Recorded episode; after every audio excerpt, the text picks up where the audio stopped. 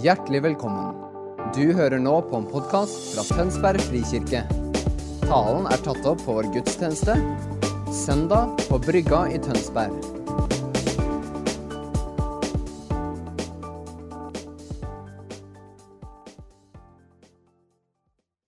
Vi er andre søndagen i den serien som skal vare hele høsten om evangeliet om Guds rike. Basert på denne boka av Bernt Torjussen, pastor i Philadelphia Drammen, som har skrevet denne boka på en veldig alminnelig, folkelig og lett forståelig måte. Og Hele denne eh, høstens uh, temaserie er altså basert på dette. og Det er vel anbefalt å kjøpe den. Uh, Abraham gir oss 15% avslag ut denne måneden, så han løp og kjøp, som det heter. Mm -hmm. uh, fin også å bruke vekstgruppene. Så um, både jeg, jeg, tror det meste av undervisningen denne høsten kommer til å ligge ganske tett på.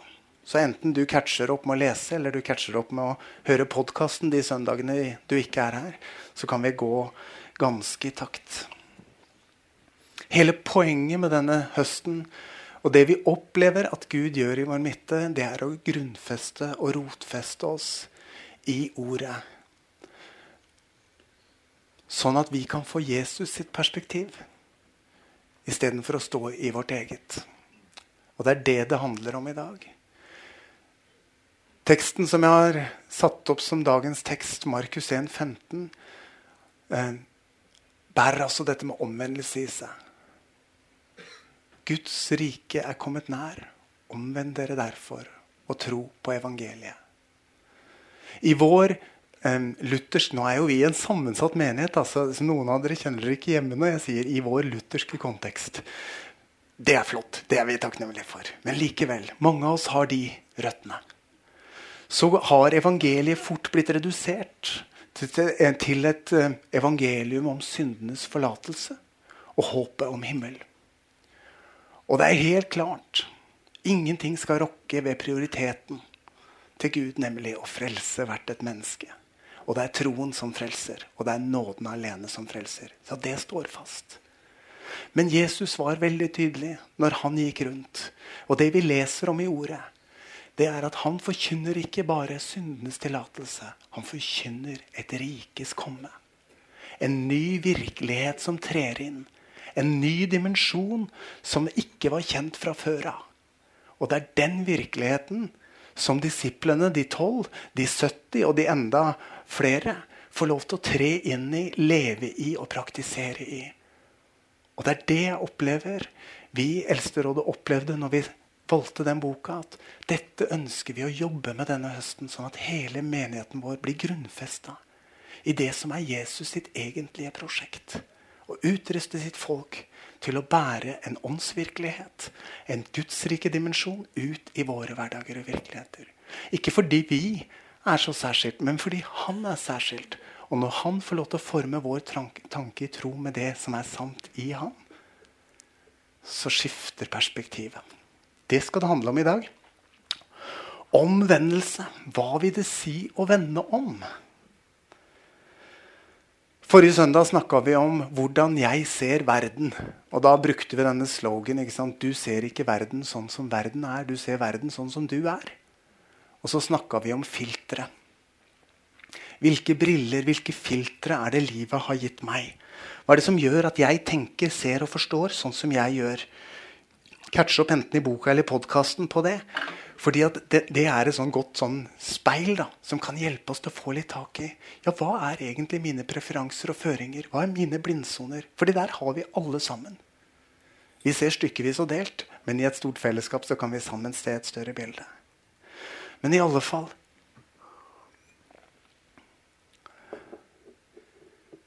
Hva vil det si å vende om?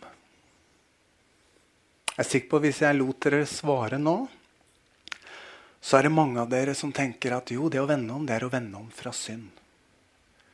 Det er å vende om fra det som er galt, og til det som er rett. Og det er ganske mange som jeg har møtt i sjelesorg.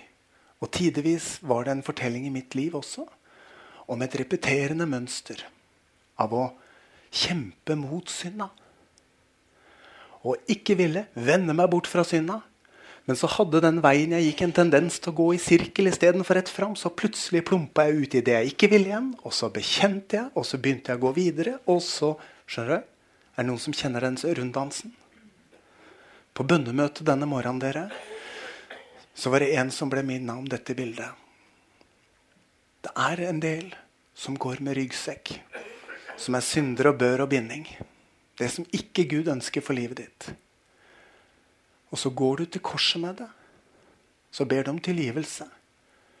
Men så glemmer du å sette fra deg sekken. Og så går du ut med sekken på ryggen. Og dere Da tar vi ikke frelsesverket på alvor. Jesu blod gjør opp for all synd. Og du forherliger ikke Jesus ved å minne deg selv om den synda du har gjort for å minne deg selv om hvor uverdig du er, og hvor mye du trenger han.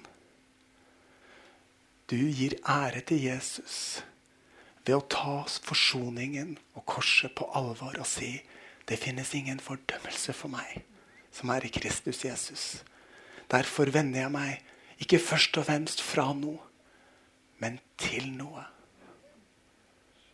Når vi begynner å vende oss til Gud istedenfor å vende oss fra synd, så bruker vi vår viljesbeslutning og vår oppmerksomhet og vår kraft til å koble på Han som er livets kilde. Og da får vi Han som er livets kilde, sin hjelp til å deale med det som er destruktive krefter i våre liv. Hvis vi bruker vår viljesbeslutning til å vende oss fra det som er destruktivt i våre liv, så har det en tendens til å være sterkere enn min viljestyrke. Er det noen som har kjent seg igjen i det? Ja. Men hvis vi heller fokuserer på å koble på Han, så vil Hans kraft, Den hellige ånds kraft, overbevise om synd og rett og dom. Og gradvis så vil livet vårt endre karakter. Ikke fordi vi går i bedring og flid, som salmen sier, men fordi Den hellige ånd stadig renser, bryter, rydder og gjør helt. Er dere med? Det der er nådens vandring. Ikke slåss mot synda. Vend deg mot Jesus. Ikke Sett deg nye forsetter. Men overgi deg til Han som har nådens blikk, og som møter deg hver gang. Og hver gang noen av disse tankemønstrene går i sirkel, og du minner deg selv om det du gjorde galt, så må du vende deg til Han som sier, 'Jeg skjønner ikke hva du snakker om'. For det du husker på, er for lengst viska ut med mitt blod. Ja, dette ble jo litt sånn kjerneevangelisk forkynnelse. Av godt luthersk merke likevel, det, da, kanskje. Men det er lettere å si det enn å gjøre det. Er dere med? Omvendelsen handler altså mer om å vende oss til Han enn hva vi skal vende oss fra. Se første, tes, første Tessalonikerbrev 1,9. Dette er det bibelske belegget for det jeg akkurat har sagt. Hvordan dere vendte dere til Gud fra avgudene for å tjene den levende og sanne Gud. Omvendelsen handler altså først om å vende oss til Gud. Og så er det bare en konsekvens av det at avgudene, det som har innflytelse, det som har makt, det som henger seg fast, det som ikke burde være i våre liv, kommer ut av synsfeltet. Det blir bare en konsekvens. Det er ikke det som er fokus, men det er en konsekvens. Dere, Omvendelse er et paradigmeskifte, kan vi si. I, innenfor forskning og vitenskap innenfor universitetene så snakker man ofte om paradigmer og paradigmeskifter. Nå har jeg Bendik, eldstesønnen min, ingeniørstudenten hjemme. Han er veldig opptatt av fag. Og han kom stolt hjem og fortalte at nå var det en av professorene på NTNU som hadde motbevist Hvilken av lovene var det? Calvin? Det hadde med noe fluideteknologi å gjøre. Langt over hodet på meg. Men her var det altså en, en, en av de kjente vitenskapsmennene Jeg burde hatt dette. Det kom til meg nå, så jeg deler det med dere. Jeg skal heller referere hvem neste søndag.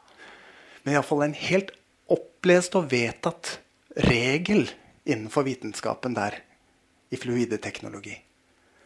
Men denne fyrige professoren da, han tenkte nå, han er ikke så sikker, så jeg prøver dette. Og så har han klart vitenskapelig å motbevise dette alle trodde var sant og tok for gitt. Hva skjer da? Et paradigmeskifte. Jorda er ikke lenger flat, den er rund. Det er sånn. Er dere med?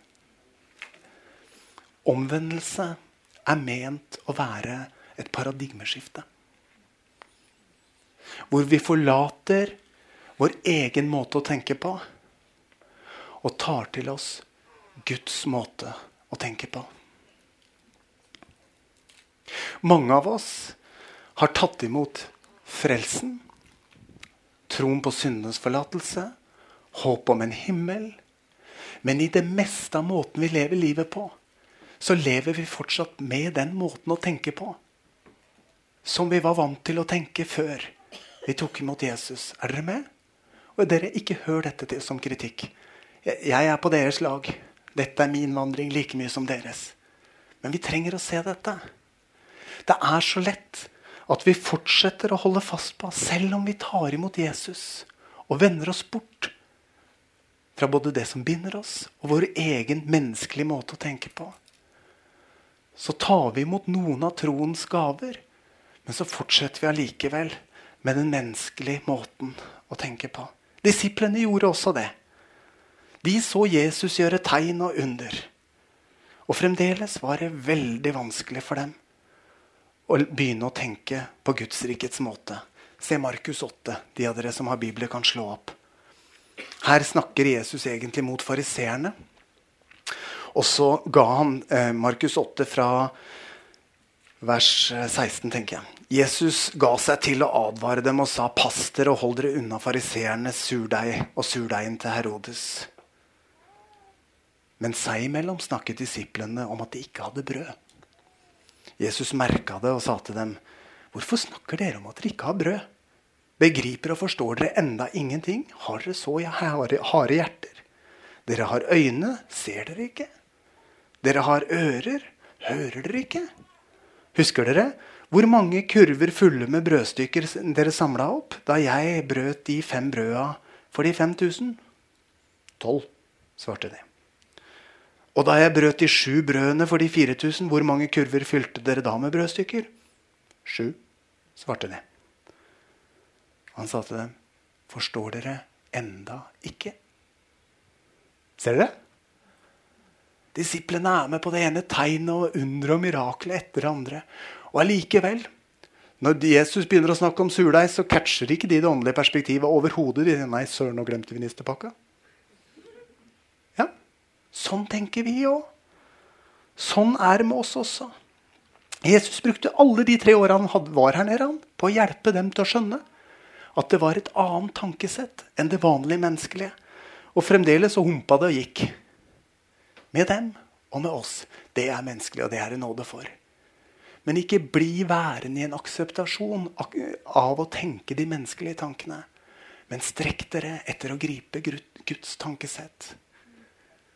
Romerne 12,2, veldig viktig ord for oss, sa det forrige gang òg. La dere forvandle ved at sinnet fornyes, så dere kan tenke også, ja, I sum så dere kan tenke Guds tanker. Dere, omvendelse er en viljesbeslutning og ikke en emosjonell opplevelse. Ekte omvendelse er en fast indre helomvending mot Jesus som etter hvert får noen ytre konsekvenser ved at livet begynner å ta en annen form. Men det er ikke først og fremst den emosjonelle erfaringen på ungdomsleir på lørdagskvelden når lovsangen står i taket og lyset blinker og 'Det var så sterkt'. Ja, det er ikke sikkert det er en omvendelse. Og ikke for oss som vi var på sommerstevne heller og hørte Michael W. Smith på Oase, og det var så sterkt. Skjønner du? For det handler ikke om hvor sterkt det er, for det er dine følelser. det. Og dine følelser de, de tyter i alle retninger. Det kommer an på hvordan du har det, det og hva du har i livet ditt akkurat nå. er du med? Omvendelse er ikke en emosjonell greie, men en viljesbeslutning. Jesus, fra nå av velger jeg å leve livet mitt vendt mot deg. Og fra det som har redusert, bundet og begrensa meg. Ok, jeg har altfor mye her i dag, så dette, dette må vi finne ut av underveis. Men ok. Noen ganger dere, så kan vi som kirke stå i fare for å formidle et overforenkla evangelium. Et evangelium hvor det bare handler om nåde, og hvor det ikke handler om omvendelse. Og hvis troen og evangeliet ikke handler om omvendelse, så blir troen fort bare en god del aktiviteter. Jeg begynte å tro på Jesus, og derfor så kobla jeg meg på en tjeneste i kirka.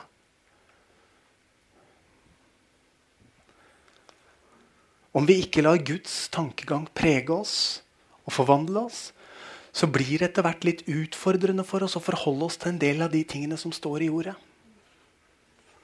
Lett da så havner vi i den grøfta og tar til oss alle de orda som gjør godt for oss, og som taler til hjertet vårt og til situasjonen vår. Og så parkerer eller setter vi de andre litt til side. Men dere, en kirke som ikke forkynner omvendelse, blir en skygge av seg selv. Når den naturlige, overnaturlige dimensjonen i Guds ord, som er som en rød tråd gjennom hele ordet Når den naturlige, overnaturlige dimensjonen erstattes av gode gjerninger som alle kan gjøre, også de som ikke tror, så må vi spørre oss selv hvor mye av evangeliet er det faktisk vi bringer til verden. Er dere med? Jeg har møtt mange flotte, oppreiste, ikke-kristne mennesker. For jeg har vært prest i folkekirke og hatt begravelser i drøss. Og jeg har sett mer karakter og oppreisthet og flotte folk der enn innafor i kjerka. Ja, det er helt sant. Det er helt sant. Så dette handler ikke om å være god og snill og grei. Men det handler om å koble på Han, som er all Gud og som inviterer oss til å være med på laget. Og som sier 'gå ut i denne verden'. Og bryt lenker og bånd og bindinger. Sett fanger fri. La blinde se. Lamme gå. Og han har ikke skifta fokus, Jesus. Det er vi i kirka som har skifta fokus. Han har det samme fokuset fortsatt. Er meg? Hvis vi bare lever i kirka på en måte som det er fullt mulig også å leve uten tro, så gjør vi all grunn Så er det all god grunn til å snakke med Jesus og gå til ordet en gang til. Hebreerne 6.1 snakker om omvendelse fra døde gjerninger og til tro på Gud. Hebreerne 6.1. Omvendelse fra døde gjerninger og til tro på Gud. Døde gjerninger, hva er det? Jo, det er gjerninger som vi gjør i egen kraft. Etter eget forgodtbefinnende. Sånn som vi selv ser at det er fornuftig og godt. Uten at vi har hørt Gud si det, uten at vi har kjent ledelse på det, og uten at vi trenger åndsfylde for å gjennomføre det. Det går helt av seg sjøl. Det er ikke det at Gud er imot det. Godhet er en god ting. Vi snakker mye om godhet. Ikke få disse tingene imot hverandre. Men husk på det. Jesaja 64, 64,5 sier at all vår rettferdighet er for Gud som et urent plagg. All vår flinkhet og prestasjon av våre gjerninger, all vår rettferdighet i egen kraft, er ikke verdt noe. Er dere med? Åh, nå er jeg på det sporet igjen hvor jeg har lyst til å krype tilbake og si Nå har jeg en sukkerbit. Skjønner du? Men dette er sant, dere. Det handler ikke om hva vi kan legge for dagen, vise til. Men det handler om hvem vi kan peke på og vise til. Og hva han får lov til å gjøre i våre liv først, og dernest gjennom våre liv. Sekularisering er et begrep. Det blir litt undervisende, det her. Sekularisering eller verdsliggjøring. Dere, Det fantes en tid hvor Gud var i sentrum, og kirken var i sentrum, og enhetssamfunnet var der. Et par hundre år tilbake så var det sånn i Norge også. Sekulariseringa er at Gud blir marginalisert, flytta ut i en boks, inn i det private. Du må gjerne tro på Gud, men ikke fortell meg om det. Du må gjerne ha guden din, men ikke fortell meg at han angår verden.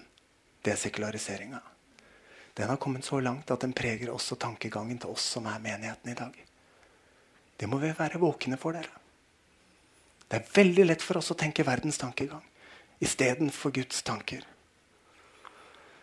Og dere, da blir fort gudstjenesten vi er i nå, opptreden og show istedenfor et møte med Gud ansikt til ansikt. Og dere, la oss tenke litt sammen nå. La ikke meg si noe som kan falle tungt for brystet for dere. Men la oss tenke sammen, for det er en måte vi kan sjekke ut dette på. Hvis du er mer opptatt av, hvis jeg er mer opptatt av Likte jeg sangene? Var taleren flink? Eller var talen god? Eller syns jeg lovsangsteamet gjorde en bra jobb? Da er tankesettet ditt og mitt opptreden, performance, show. Det er ikke noe galt å evaluere prestasjonene til oss som gjør noe her oppe. Men det er ikke det som er fokuset. Vi er her for å møte Gud. Vi har en forventning dere hver søndag når vi kommer sammen, til å få et møte med Jesus ansikt til ansikt. Og hva enn han gjør ved sin ånd, så går vi takknemlige ut. Og dere, Jeg har fått no privilegiet av å få lov til å reise rundt og forkynne og besøke mange forskjellige menigheter. Og jeg har vært i menigheter hvor det var mye forbedringspotensial, for å si det sånn. Og det klang som ja, nei, Jeg skal ikke beskrive det, men dere skjønner hva jeg mener. Men jeg hadde et sånt møte med Gud i en del av de menighetene. For de som sto her oppe, gikk i den salvelsen de hadde, og de hadde ett fokus. Gi Jesus ære. Og så har jeg vært i andre menigheter hvor alt er på stell. Makeupen sitter. Og hele lovsangsriffet er, liksom ah, konsert, altså. Men det er ikke en eneste fornemmelse av åndens vind å gjenkjenne. Er dere med? Vårt fokus må alltid være på Gud. Hvor er du? Hva gjør du? Hva sier du til meg? Hva sier du til oss? Og hvordan skal jeg respondere på det? Da blir det helt uviktig om Morten snøvla eller var veldig presis. Eller lovsangsteamet hadde det mest fantastiske. Ja, you name it. Vi kan gjerne gi vårt beste til Herren, og det skal vi. Bare det er underordna det ene fokuset. Et møte med Jesus ansikt til ansikt. Så en eh, pastor, amerikansk pastor som heter Tozer, har sagt en menighet som ikke vil tilby, den vil bli underholdt. Og det lederskapet som ikke lærer menigheten å tilbes, må stå for underholdninga. Det er motivasjonen min for å holde den talen. Jeg hater å være morsom på oppfordring. John Wimber han sa at det var en bønn han alltid måtte be når han var ferdig med å tale og gikk over til å betjene. Og den bønnen er veldig enkel. Den er Jesus, hjelp For når han hadde forkynt om helbredelse, om Guds farshjerte, og inviterte folk fram som hadde både det ene og det andre behovet, så holdt det ikke med visdom og åpenbaring i Guds ord. Da måtte han lene seg til kraften i Kristi kors. Og hvis ikke Jesus var der med sin kraft, så var det han hadde holdt på med å forkynt, bare tøys. Dere, dette utfordrer meg. Og jeg kjenner for min egen del at jeg er nødt til å posisjonere meg på de plassene hvor jeg ikke kan ha kontrollen selv, men ser ut som en dåre hvis ikke Jesus signer inn. Derfor har jeg sagt i bibelskolen at jeg skal ut på Elske byen ganske jevnt dette året. Derfor etablerer vi helbredelsesrommet og har profetisk betjening. Fordi at det er de plassene som er totalt meningsløse hvis ikke Jesus kommer med sin ånd og handler og taler og gjør det bare han kan. Det er himmelens tankesett som forvandler vårt tankesett. Og vi trenger ikke ha dette, dere. Vi trenger ikke kjenne at vi eier dette. For tror du at du eier det, så har du sannsynligvis mista det. Men hvis du kan få lov til å bli stående i en hunger og en lengsel, sånn som jeg fortalte forrige søndag når jeg var over og så denne Bobby Connor som skjøt i Den hellige ånd, og Bob Johnson falt på ryggen i midtgangen. Dere, Jeg har ingen lengsel om å kunne skyte på noen så de faller. Kanskje bortsett fra på Eileen, da, for hun driver og kaster vann på meg hele tiden. Men allikevel ble det veldig viktig for meg når jeg bøyde kne etter at jeg hadde sett det, for jeg sa Gud, jeg skjønner ikke du, hvorfor du gjør dette. Men jeg skjønner at det er du som gjør det. Og jeg erkjenner at jeg nå erfarer en kraft og en erfaring av ditt rike som jeg har hatt veldig liten kjennskap og befatning med. Er dere med? Og Det jeg har lyst til å invitere oss til dere gjennom denne høsten, er å starte på et ydmykt sted i omvendelse og si Gud, vi vil ha mer av deg. Jesus, jeg ønsker mer av din kraft i mitt liv. Jesus, vil du fylle meg med din kjærlighet, sånn at kollegaene bare erfarer at det er noe annerledes med meg. Ikke for min skyld, men for din, Jesus, og for ditt rikes skyld, og for frelsen til de jeg bør jobbe med. Er dere med? Denne hungeren er en fantastisk oppskrift på kristenlivet. For den gir han rom til å være det han er. Så jeg slipper å late som jeg er noe jeg ikke er. For han i oss er hele greia. Hans tankesett i våre liv. Hans muligheter i møte med våre begrensninger. Det er hele greia. Så kjapt framover. Originalkristendommen. Dere, det jeg har lyst til å invitere oss til dette, dette året, denne, dette semesteret, det er Kan dere ikke på en måte ta opp Bibelen på nytt? Kanskje noen av dere til og med har lyst til å kjøpe en ny bibel for anledninga. Og så begynne å lese, og så spørre oss sjøl denne høsten. Jeg inviterer oss til å gjøre dette. Ta opp Bibelen og spørre oss sjøl er det noe essensielt jeg har oversett i Bibelen til nå. Er det noe som har stått der som jeg simpelthen bare har gått glipp av? Er det noe vi ikke lenger i min familie eller i vår menighet vier oppmerksomhet, men som er veldig tydelig i Guds ord? Les, se etter og spør. Og finner du noe, så kom og si det til meg. Er det noe vi har lagt vekk, som vi burde ta fram igjen? Som er tydelig fra Jesus, men som ikke er så tydelig hos oss? Og så kan vi reflektere i vekstgruppene og for oss sjøl. Hvordan vil Tønsberg merke det om vi begynner å ta tilbake dette som vi har skjøvet ut, men som alltid har vært i ditt ord, Jesus? Hebreerne 2 sier i begynnelsen ble det først forkynt av Herren, og det ble stadfesta av oss, eh, av dem som hadde hørt ham. Gud ga også vitnesbyrd, både med tegn og under, med forskjellige kraftige undergjerninger og Den hellige ånds gaver etter sin vilje. Original- eller urkristendommen dere er det Jesus forkynte. Og som disiplene fortsatte med når han dro. Det var ikke noe forskjell. Når Jesus ble tatt opp, så fortsatte apostlene å gjøre akkurat det samme som Jesus gjorde. Og faktisk i større omfang. Så allerede der rett etter Jesu himmelfart så erfarer Kirken at Johannes 14 er sant. At vi skulle gjøre større ting enn han. For omfanget brer seg. Er dere med? Ja. Allerede der. Og så det fantastiske, som jeg også har fått lov til å erfare.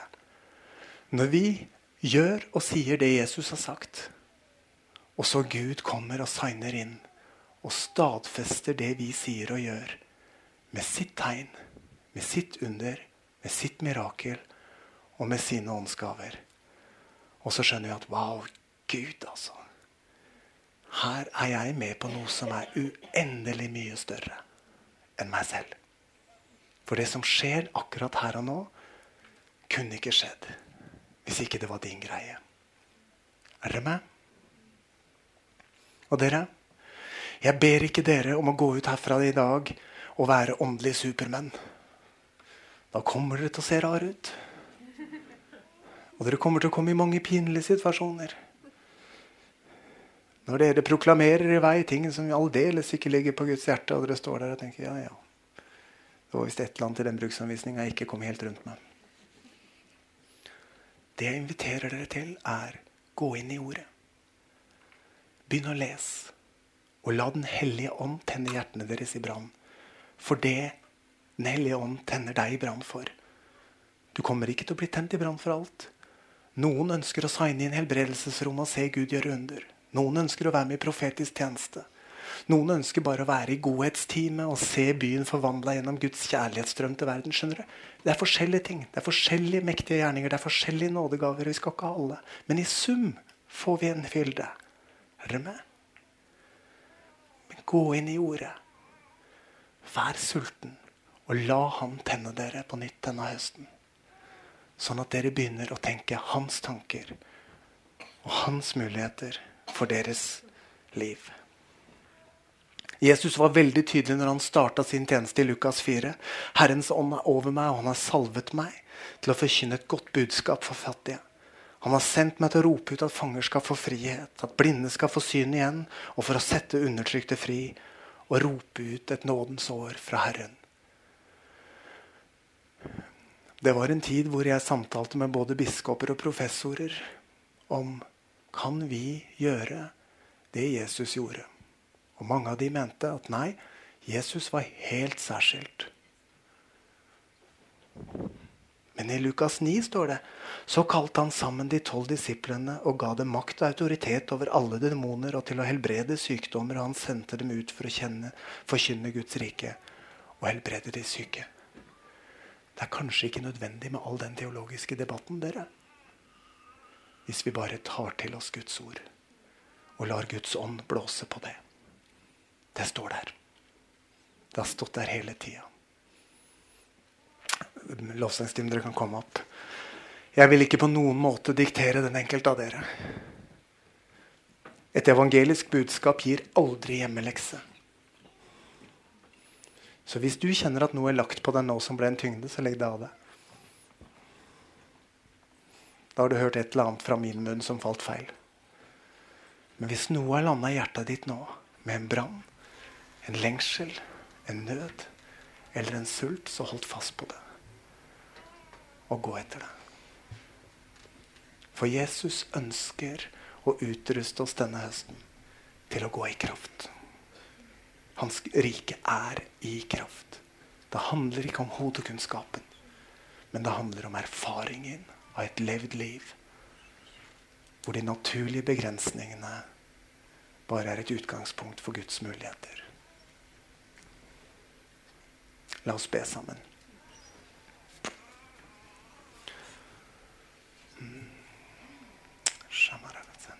Jesus. Vi har sunget i denne gudstjenesten Jesus, at vi, vi kroner deg. Og vi ønsker å ha deg på tronen i våre liv. Og Jesus, vi, vi gjentar den bønnen nå. Herre, tenn våre hjerter i brann for det som er din nød. Ditt ønske, din plan og ditt kall for den enkelte av våre liv. Kom, Hellige Ånd. Salv den enkeltes hjerte med tro, med brann og med lengsel. Herre, endre vårt tankesett. Du sier i ordet Jesus at dine tanker er høyere enn våre tanker. Så Jesus, smitt oss med dine tanker. Så vi ikke ser bare det det naturlige øyet ser, men så vi ser det du ser. Og de du setter i vår vei. Så vi kan være en kanal for både kjærlighet, godhet, kraft og helbredelse. Velsign vår menighet, Jesus, så vi kan være til velsignelse. Velsign oss, Herre, med ånd og kraft, så denne byen merker at du bor i vår midte. Ikke for vår skyld, Herre, men for din, og for de mange som ennå ikke kjenner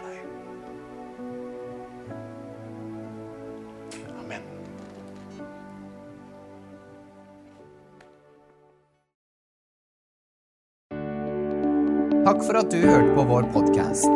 Har du spørsmål eller ønsker du å vite mer? Søk oss på vår nettside tonsbergfrikirke.no. Du er også velkommen til kirke på Brygga i Tønsberg.